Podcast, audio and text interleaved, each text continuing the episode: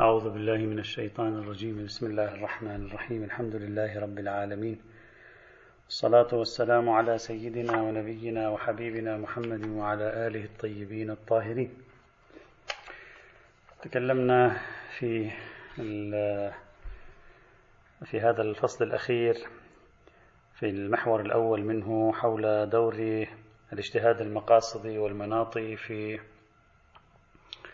بشكل عام خاصة الاجتهاد المقاصدي والمصلحي في آه، تأثير على تقويم الأدلة الجزئية وتعارض الأدلة فيما بينها. هذا تكلمنا عنه. انتقلنا إلى محور ثاني أو إلى يعني المرحلة الثانية من المحور الأول اللي هو دور الاجتهاد المقاصدي والمناطي في التعامل مع الأدلة وهو دور التعليل. دور التعليل في التعامل مع ظاهرة التعارض في مسألة التعارض. آه، قلنا لابد أن ندرس هذه القضية بشكل مركز. آه، أضيق دائرة من المحور الأول كما قلنا ونبحثها في آه، خطوتين. الخطوة الأولى اندراج التعليل النصي ضمن قواعد الترجيح أو توفيق يعني حسب ما سوف يظهر. استعرضنا في البداية مشهد مواقف العلماء في التعامل مع الروايات من حيث ترجيح المعلل على غيره ثم قلنا نحن سنبحث القضية على مرحلتين. في المرحلة الأولى هل فعلا ذكر العلة أو ذكر الملاك آه، يجعل الدليل أظهر وأقوى؟ ذكرنا هذا وقلنا نعم صحيح. هذا يعطي قوة آه، أقوائية دلالية أو ضحية دلالية في الحديث نوعا. ثم انتقلنا للكبرى. وهي هل توجد قاعدة اسمها تقديم الأظهر على الظاهر أو التقديم بملاك الأقوائية الدلالية؟ ذكرنا أن العلماء تكلموا عن أن هذه أو كثير من العلماء تكلموا عن أن هذه من قواعد الجمع العرفي. واستندوا في معيارية الأقوائية الدلالية كقاعدة من قواعد من قواعد التعامل في باب التعارض إلى عدة أدلة. ذكرنا ثلاثة أدلة أساسية وهي تمثل الأدلة العمدة حقيقة يعني بالنسبة إليهم. الدليل الأول طرحه الشيخ الأنصاري الدليل الثاني هو في الحقيقة آه، مسلك مدرسة الميرزا النائيني وذكرنا تقرير السيد الصدر له. والثالث هو تقرير خاص بالسيد الصدر تعبدي له طابع تعبدي وعلقنا على المستندات الثلاثة والأدلة الثلاثة التي ذكروها في المقام. المستند الرابع لقاعدة الأقوائية الدلالية. ما نطرحه هنا ونراه الأرجح في المقام سنقدم قراءة لهذا الموضوع قد تكون مختلفة. بعض الشيء عما تقدم. آه، حاصل ما أريد أن أدعيه هنا في هذا المستند الرابع أنه لا توجد قرينية نوعية في تقديم مطلق الأظهر على مطلق الظاهر أو في تقديم النص على الظاهر. فضلا عن الأخذ بالقدر المتيقن بين المتباينين بدعوى تعارض النص في كل منهما مع الظاهر في الآخر فيتساقط الظهوران لصالح النصين. هذا الكلام الذي درسناه كلنا في المباحث الأصولية. لماذا لا يوجد نظام قرينية نوعية آه، آه، في مسألة الأقوائية الدلالية بنحو مطلق؟ أو بعبارة أخرى لماذا لا تكون الأقوائية الدلالية أو الأظهرية قانون الأظهرية لماذا لا يكون من آه، قوانين الجمع العرفي والتوفيق بين الأدلة؟ السبب في ذلك أننا لا نلمس على المستوى النوعي والدائمي أن العرف العقلاء في مجال التحاور والتفاهم والتفهيم يعتمدون مستويات وضوح الدلالة في تفسير النصوص لبعضها. بمعنى نحن عندنا بموضوع مستويات وضوح الدلالة عندنا يعني عناوين لها خصوصياتها تقدم على دليل يقدم على غيره. الخاص يقدم على العام المقيد يقدم على المطلق الحاكم على المحكوم. لكن ما عندنا قانون عقلائي وعرفي لغوي عام يعتبر أن كل دلالة أوضح فهي مفسرة لدلالة أضعف. طبعا هذا بصرف النظر عن أن بعضهم يفسر تقديم الخاص على العام بملاك الأظهرية. بصرف النظر عن هذه. لكن لو تركنا بحث الخاص والعام لا نعلم وجود بناء عقلاء عرفي لغوي من هذا النوع والمستندات التي قدموها ناقشناها سابقا. وعليه فدعوى ثنائية الظاهر والأظهر أو ثنائية النص والظاهر وأن هذه الثنائية تمثل أحد قواعد الجمع العرفي بكلمة مطلقة. هذا غير ثابت. ما عندنا إذا في دليل أوضح في الدلالة فهو يفسر الدليل الأقل وضوحا. الأقل وضوحا ليس مجملا الأقل وضوحا هو في نفسه واضح لكن أقل وضوحا من ذلك. إذا لم يكن الأول هو أكثر وضوحا حاكما على الثاني يعني ضمن قانون الحكومة إذا لم يكن مخصصا إذا لم يكن مقيدا وما شابه ذلك لا أستطيع أن أقول مطلق الأوضحية يجعل هذا الدليل مفسرا لذلك. الدليل لا يوجد شيء في حياة العقلاء هكذا. لا أبدا لا يوجد شيء من هذا النوع إطلاقا. لا دليل عليه والأدلة التي ذكروها سبق أن ناقشناها فيها. لذلك في تقدير الأفضل أن نعدل القضية. نطرح قواعد أخرى هنا. ليس قاعدة الجمع العرفي ليس قاعدة القرينية النوعية ليس قاعدة المفسرية والتفسيرية.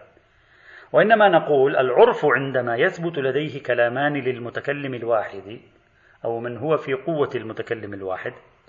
وهذان الكلامان يكونان متعارضين ولو في جهة من الجهات. ولا يمكنه التوفيق بينهما بقواعد التوفيق والجمع العرفي. وكان أحد الكلامين في قوة كشفه عن المراد الجدي أعلى وأوضح وأبرز من الثاني. ولم يسر هذا التعارض بينهما إلى حجية السند والصدور. هذا هو مفروضنا.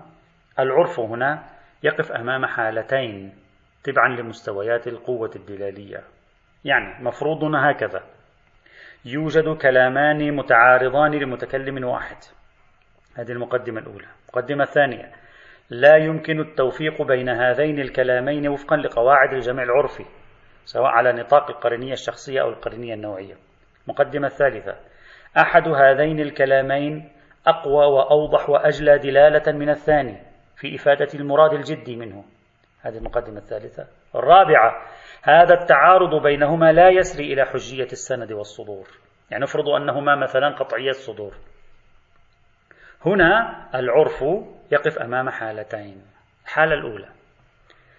أن يكون التعارض غير موجب فقدان الوثوق بدلالة الدليل الأقوى لكنه يوجب فقدان الوثوق بدلالة الدليل الأضعف دلالة. يعني لما جاء عندي الدليل الأقوى من حيث الدلالة وقابله الدليل الأضعف من حيث الدلالة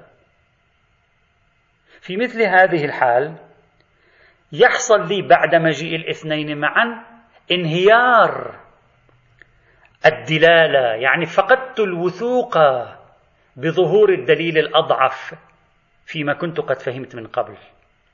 لكنني لم أفقد الوثوق بظهور الدليل الأقوى فيما كنت قد فهمت منه من قبل. هنا بعد هذا التركيب بين الدليلين ينهار الظهور بالنسبة للمتلقي بالنسبة لي بعد انكشاف الخطابين هذين للمتكلم. ولا تصل النوبة للشك في صدورهما معا لأننا فرضنا أننا لا نتكلم عن السرايا. فبعد أن ظهر انهيار ظهور الدليل الأضعف يؤخذ بالدليل الأقوى لأن ظهوره ما زال, ما زال قويا قائما موثوقا به ويترك الدليل الأضعف. ما معنى هذا الكلام؟ يعني أنا عندما يأتيني نص يقول لا, لا بأس بثمن العذرة ونص آخر لا تأخذ ثمن العذرة. لا بأس بثمن العذرة هذا فيه نصية. لا تأخذ ثمن العذراء ظاهر في التحريم. ظاهر في التحريم يحتمل الكراهة لكنه ظاهر في التحريم. هذه الدلالة النصية في الدليل الأول بعد أن وجدت لاحظت تعارض الدليلين ما زالت هذه الدلالة النصية أشعر بأنه من الصعب أن نتخلى عنها. يعني من غير المعقول أن يكون هذا المتكلم. قال لا بأس بأخذ, بأخذ ثمن العذرة وهو يقصد مثلا لا بأس يعني ليس من عظام الكبائر لكنها من الكبائر. أصلا أجد أنه من, من الصعب تأويل هذه العبارة. واضحة في مرادها. حتى رغم التعارض ما زال عندي وضوح فيها. أما الثاني الثاني عندما سمعته في البداية يقول لا تأخذ ثمن العذرة نعم ظاهر في التحريم. لكن بعد أن جاءني الدليل الثاني الآن بعد مجيء الدليل الثاني تغيرت حالتي حالة الوثوق التي عندي بالظهور. بدأت أقول هذا الثاني لم يعد لدي فيه وثوق بأنه ظاهر في التحريم. الأمر عندي صار ملتبسا. هل هو فعلا ظاهر في التحريم؟ ليس بظاهر في التحريم. هو الخاصر الرخوة. هو الخاصر الرخوة في الحقيقة. يعني جهة الضعف. فعندما أرى أنه لا بد أن هناك حكم واحد. ما في حكمين. لا يمكن تشريع حكمين متعارضين. وأجد أن دلالة الدليل الأقوى صعب أن أتصرف بها. التصرف بها تأول وتكلف وتحكم. بينما الثاني ممكن أن يكون يراد منه التنزه. الكراهة لأن صيغة النهي يستفاد منها في كثير من الأحيان الكراهة. استعملت أيضا في كثير من الأحيان بالكراهة. صحيح هي ظاهرة في الحرمة لكن ممكن جدا تستعمل في الكراهة. بعد ضم الدليلين المتعارضين إلى بعضهما هنا في مثل هذه الحال ينخفض عندي إمكانية أن يكون المراد من هذا الدليل الثاني الأضعف هو التحريم. ينخفض عندي ذلك. هذا الكلام إذا انخفض إذا زال الوثوق بالظهور لا معنى للأخذ به في مثل هذه الحال يعني هذا الكلام لم أعد أشعر بعد أن لاحظت النص الثاني اللي هو, اللي هو للمتكلم نفسه أيضا. لم أعد أثق بأنه ظاهر بأنه جدا ظاهر في الإرادة الجدية. جدا يريد التحريم. لم يعد عندي هذا الوثوق. صعب. أما هناك في الطرف الأول ما زال عندي هذا الوثوق بالدلالة القوية الموجودة لأنه من الصعب أن يريد منه معنى آخر أما هنا ممكن أن يريد منه معنى آخر. الجملة تتحمل بالجد معنى آخر. هذا الكلام الذي أدعيه لا يعني أن القرينة أن المنفصل اترك القرينة ما في نظام قرينة هنا بعد أن المنفصل يهدم الظهور. هم يقولون عادة الأدلة المنفصلة لا تهدم الظهورات بل تنعقد الظهورات من دونها وإنما تهدم الحجية. أنا لا أريد أن أتكلم عن هذا الموضوع. مرادنا هنا أن المتلقي عندما يصله كلامان من المتكلم بهذا النوع فإنما استظهره من الدليل قبل أن يسمع الدليل الأظهر. هذا الذي استظهرته قبل نصف ساعة قبل أن يصلني الدليل الأظهر يحصل لدي شك فيه وريب. فأحتمل جدا يرتفع قوة احتمال أن المتكلم لم يقصد ما كنت قد فهمته أنا. ولعله قصد شيئا آخر محتمل. احتمال ذاك الشيء الآخر يرتفع. لكن أنا لعلني مثلا غابت عني القرينة لم تصلني القرينة السياقية لم تصلني القرينة الحالية كل شيء ممكن. على سبيل المثال لو تعارض دليل يقول لا تأخذ ثمن العذرة مع دليل يقول لا بأس بأخذ ثمن العذرة الثاني هنا أقوى في الدلالة من الأول. هذا التعارض لا يسري إلى حجية السند. نفرض أن النصين متواتران. ونفرض أن المتلقي يعني أنا لم يحصل لدي رغم التعارض شك في دلالة الدليل الثاني المرخص. واضح.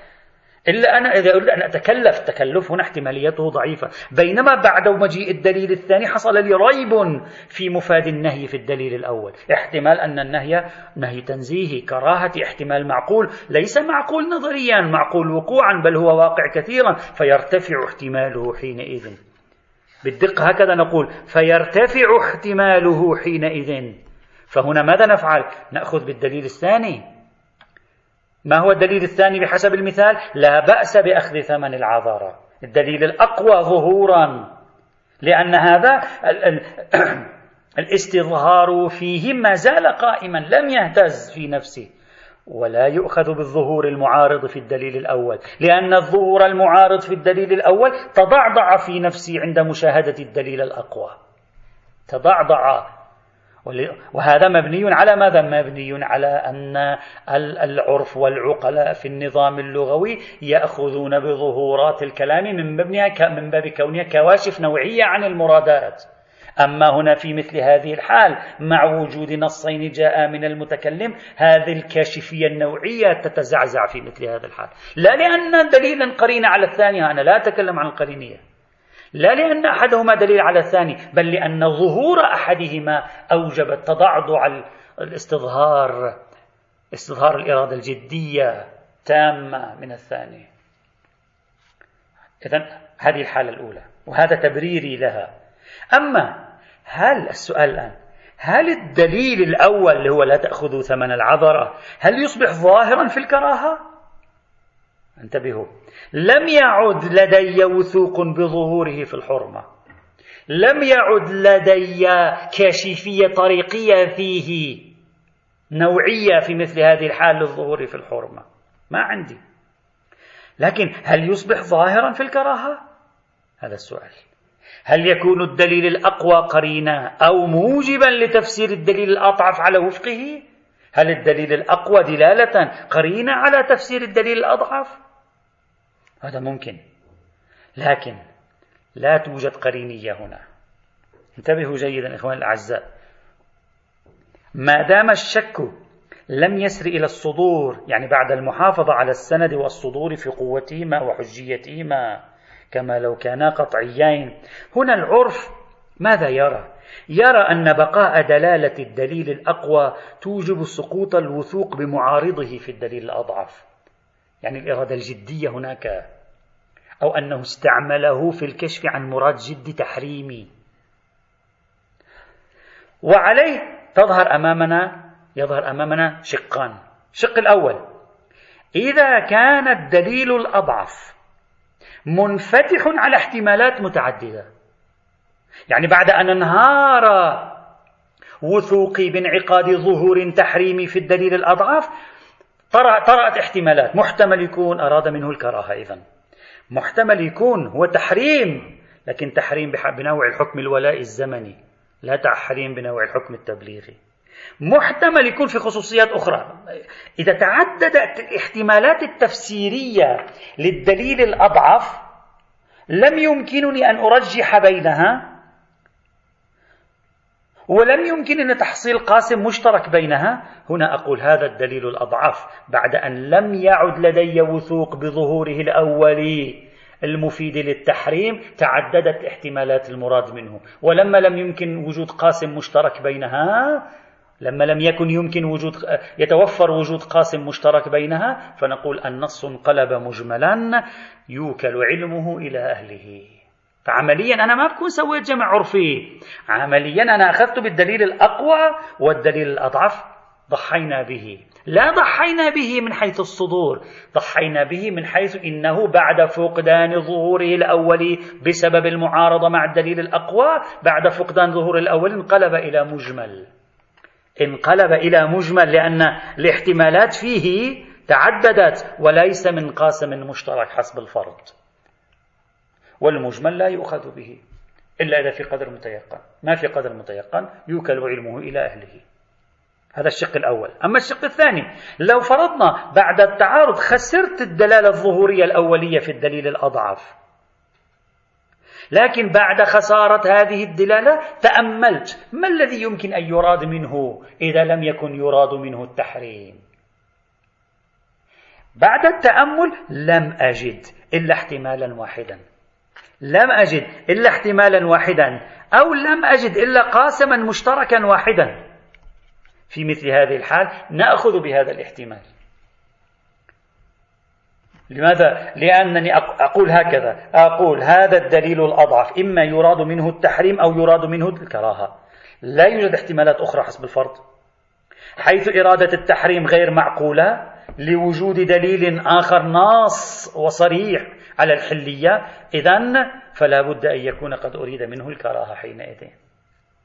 هكذا يتعين تفسير الموقف. لا لأجل أرجو الانتباه لا لأن الأقوى قرين على تفسير الأضعف بل لأن المعطيات لا تسمح لي بأي تفسير آخر غير هذا التفسير. فهذا هو التفسير المنحصر. إذا بعد وقوع المعارضة وبقاء الأقوى على قوته وانعقاد الدلالة فيه وانهيار الوثوق بالدلالة في الأضعف نحن أمام شقين في الأضعف الآن نحن أمام شق. إما الأضعف له احتمالات تفسيرية متعددة ولا قاسم مشترك بينها.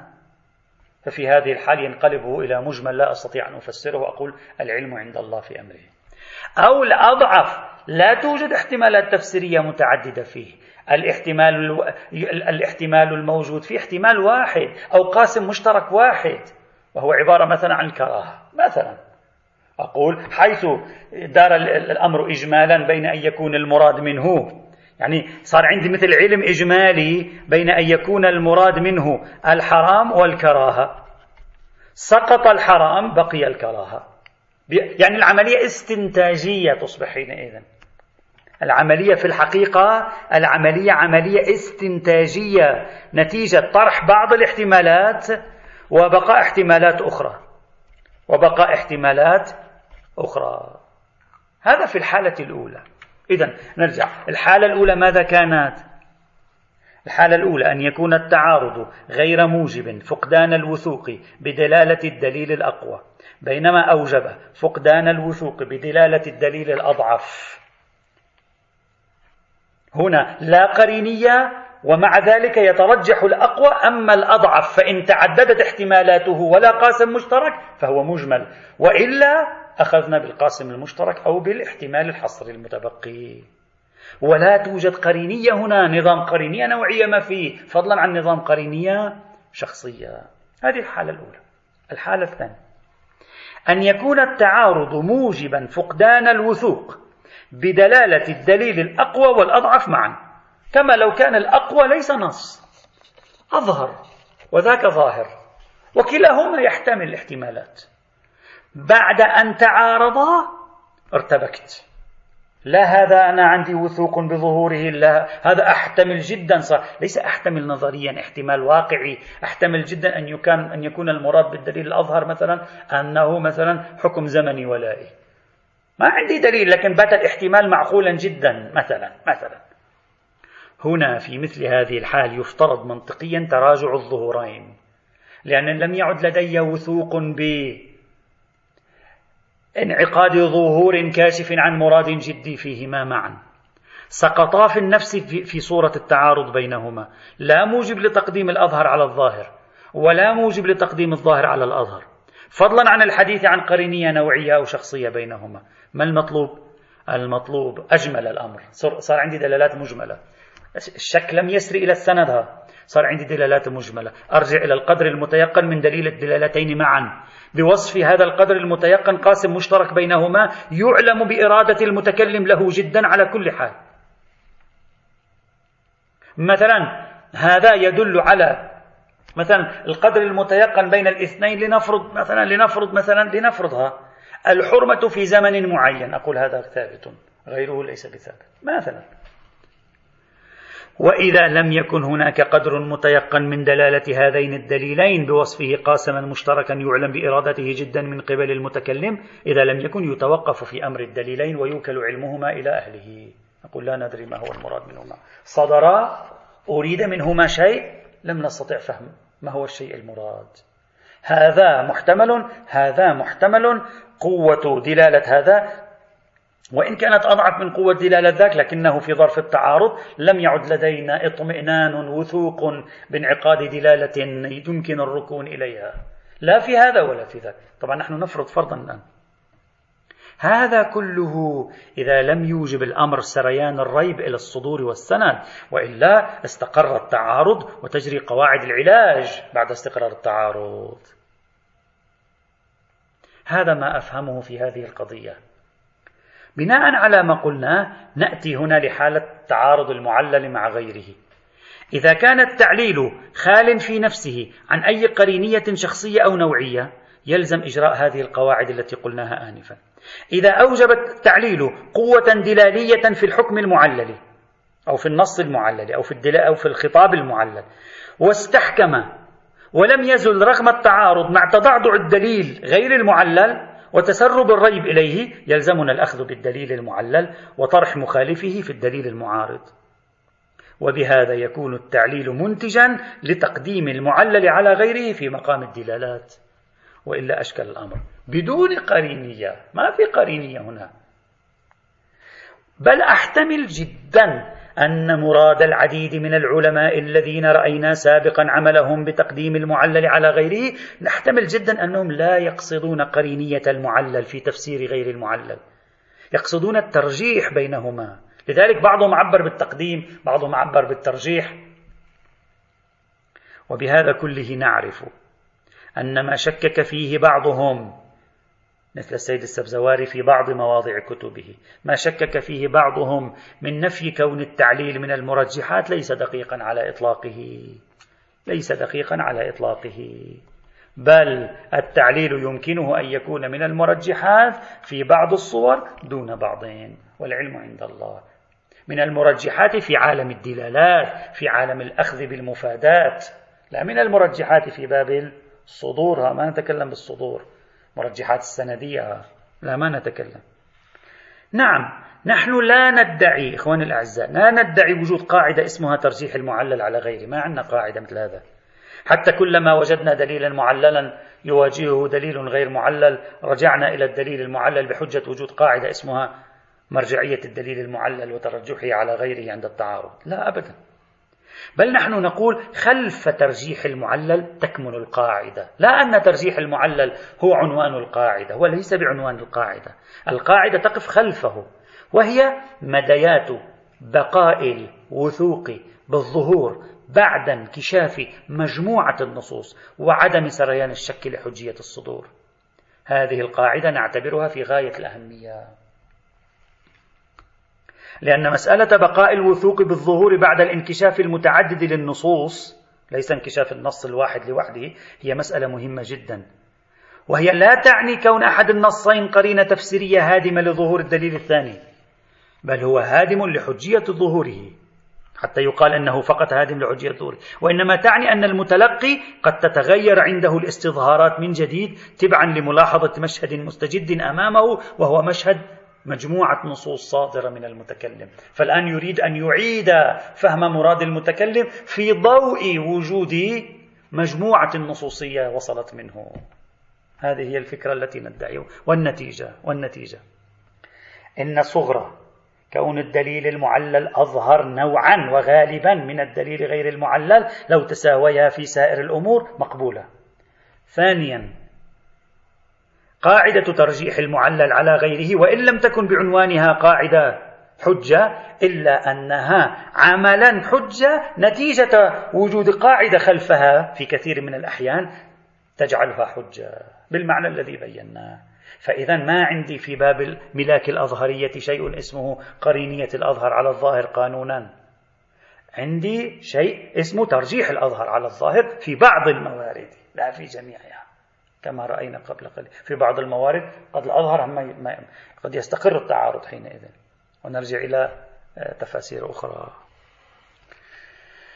هذا ما يتعلق بالتعليل النصي.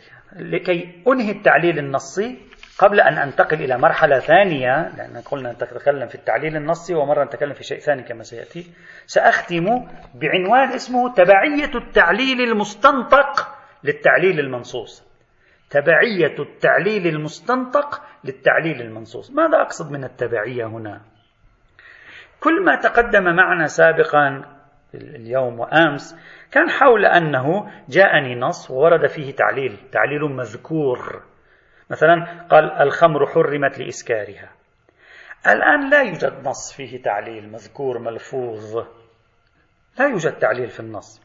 لكن الفقيه يستظهر التعليل الآن أعم من الملاك والمناطي يستظهر التعليل من ضم بعض المعطيات إلى بعض ومتابعة المناسبات والخصوصيات.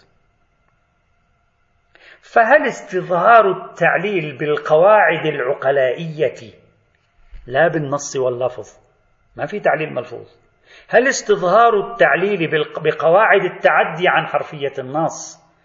هل يجري عليه قواعد القرينية في باب الأظهر والظاهر؟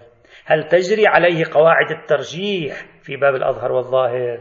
قرينية عند من يقول بالقرينية والترجيح عند من يختار الترجيح. أو لا؟ هذا هو السؤال. يعني أنا كنت أتكلم سابقا حول دليل نصي ورد فيه تعليل منصوص ملفوظ.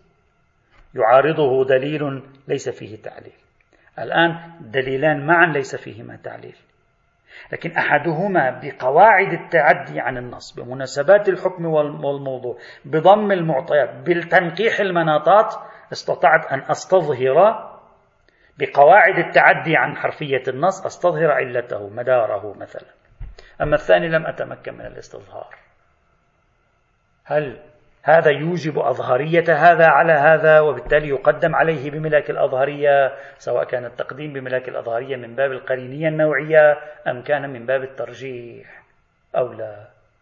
هذه المسألة التي أريد أن أطرحها هنا. الجواب إذا بلغ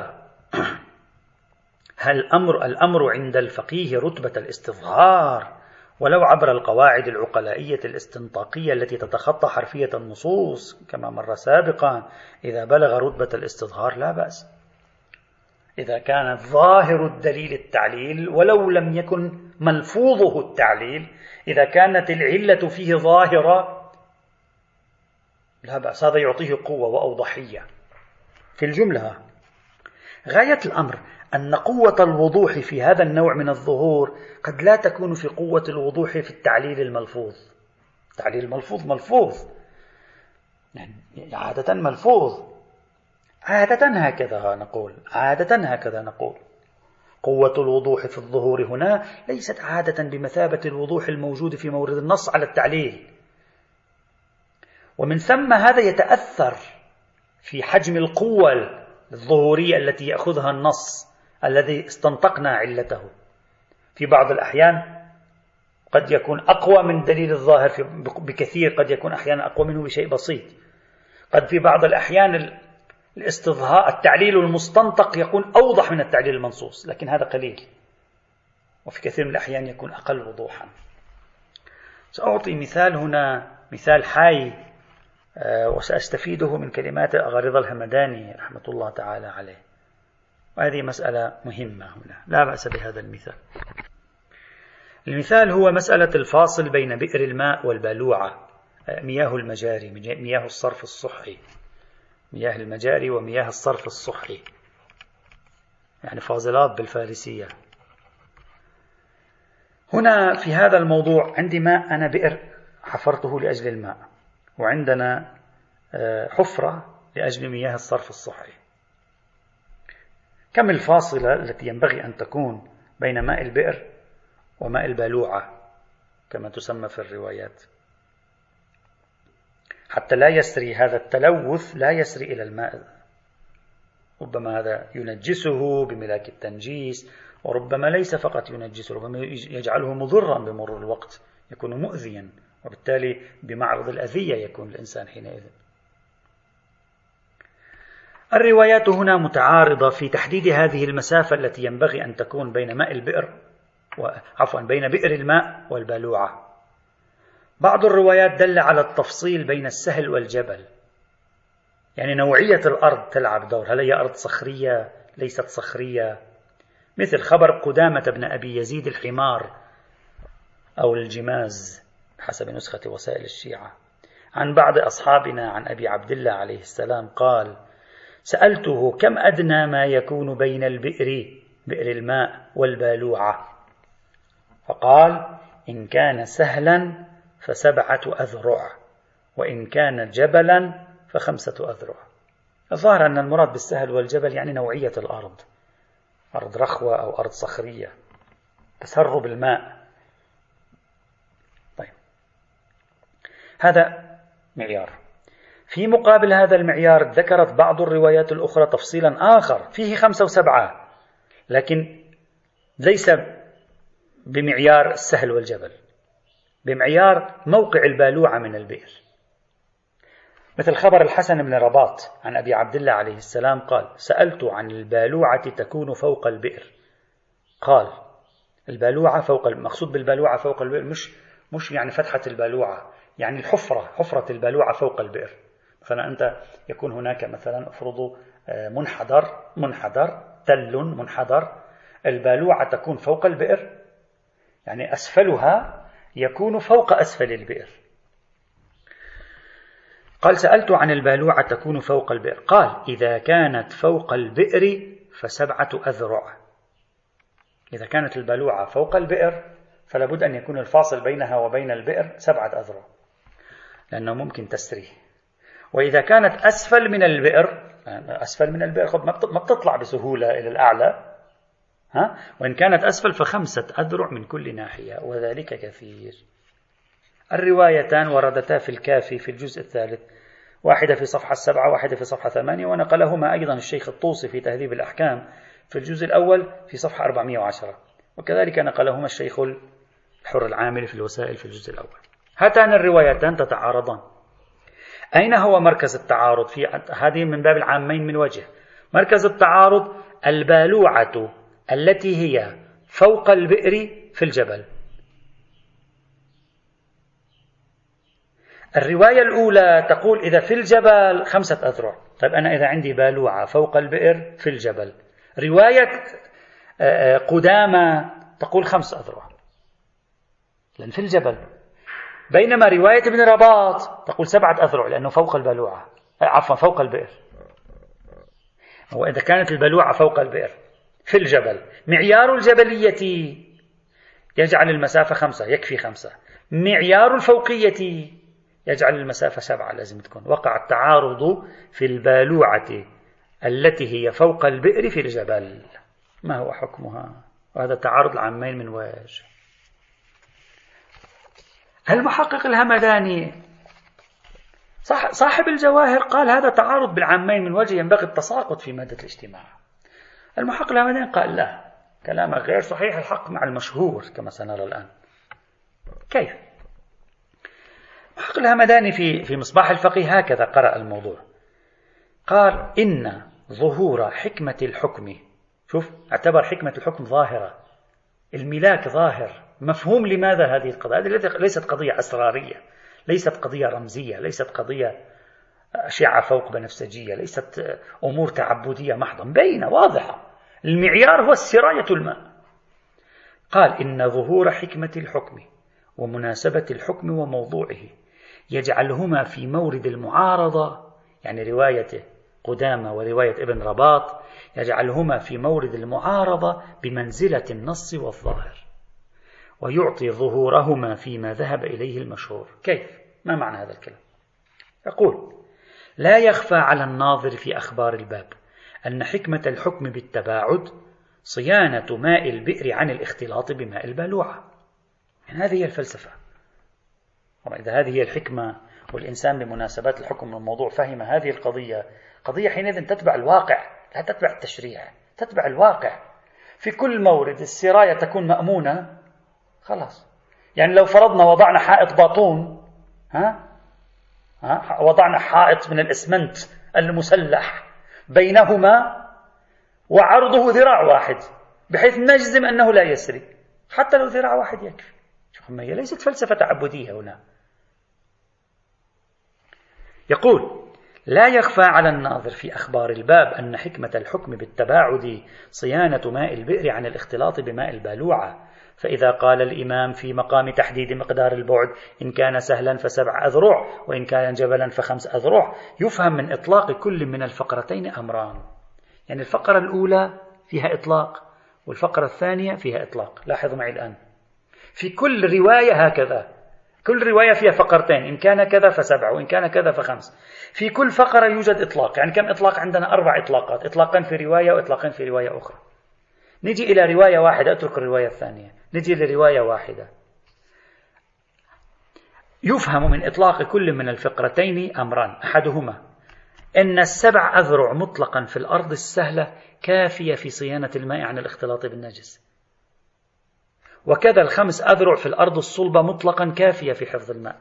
يعني أول إطلاق كفاية السبعة والخمسة مطلقا. فكأنه قال الماء النجس لا يسري في الأرض السهلة سبعة أذرع وفي الصلبة خمسة أذرع فيكفي السبع في الأول والخمس في الثاني.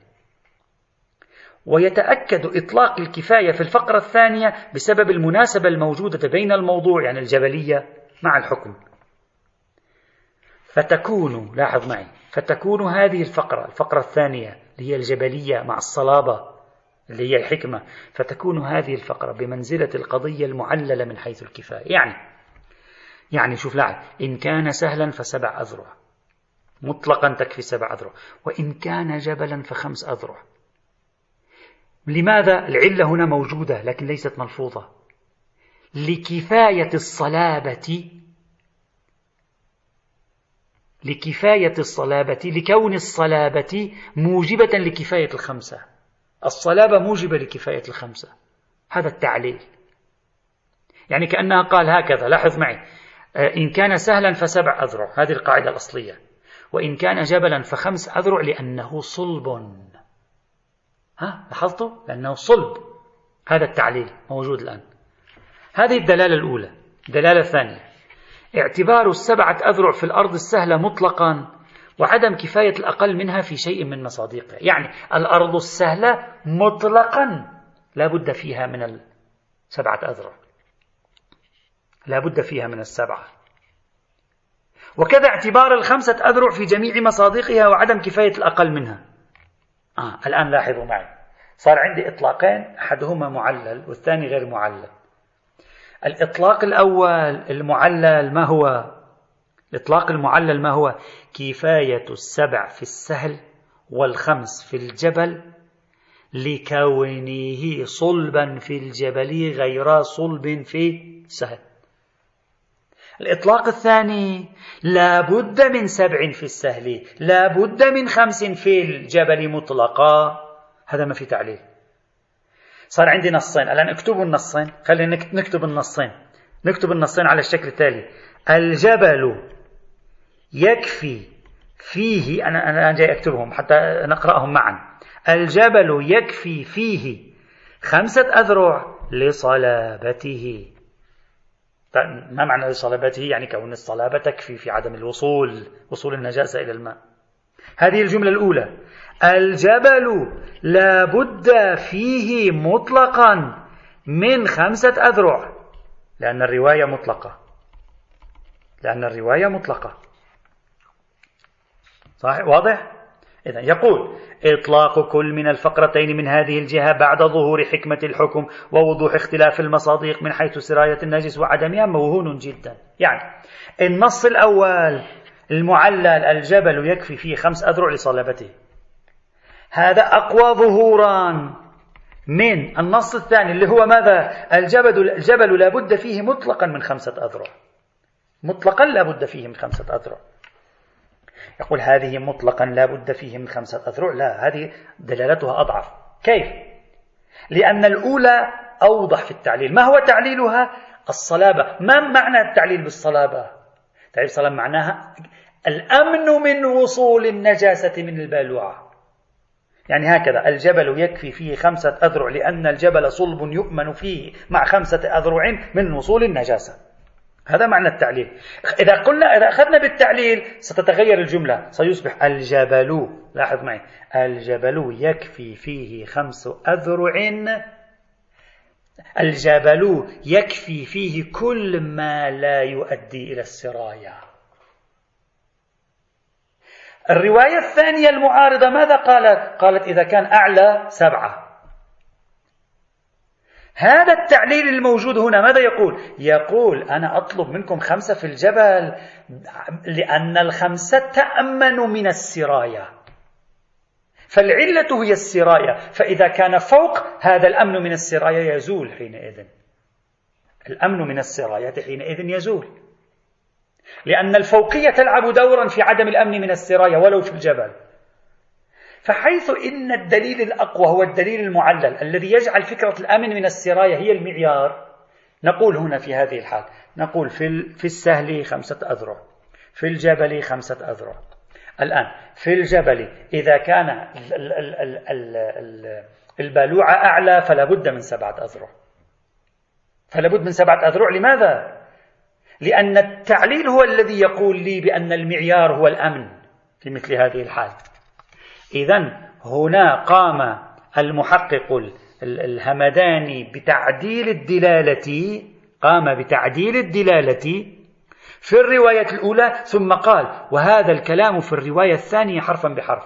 إذا عرفت ذلك علمت أن في مورد تعارض الروايتين يدور الأمر بين رفع اليد عن إطلاق السبع من الحيثية الثانية التي قد عرفت أن الإطلاق فيها موهون وبين رفع اليد عن إطلاق الخمس من الحيثية الأولى التي هي في غاية القوة. الحيثية الأولى اللي هي حيثية الأمن الصلابة. وعليه خلاصة المثال الذي يريد أن يطرحه الأغرض الهمداني هو إذا عندي نص بحسب مناسبات الحكم والموضوع استظهرت حكمته ولو لم تكن منصوصة يعطي ذلك النص أقوائية دلالية فيقدم بملاك الأقوائية الدلالية أيضا. وعليه. التعليل ورود التعليل في النصوص التعليلية سواء بنوع من اللفظ المذكور أو بنوع من الاستنطاق عبر قواعد الفهم العقلاء ومناسبات الحكم والموضوع. وأمثال ذلك هذا يعطي النص قوة نوعية نجري فيها قواعد الأظهرية التي قلناها سابقا. هذا كله فيما لو فهمنا التعليل إما من اللفظ أو من السياقات والاستنطاقات. هذا هذا هو. أما لو لم نفهم التعليل ما عندي نص تعليلي ما عندي استنطاق يمكن أن يفهمني التعليل أو الحكمة هنا لكن أحتمل حكمة ما. هل هذا يؤثر أو لا؟ يأتي غدا إن شاء الله تعالى. والحمد لله رب العالمين.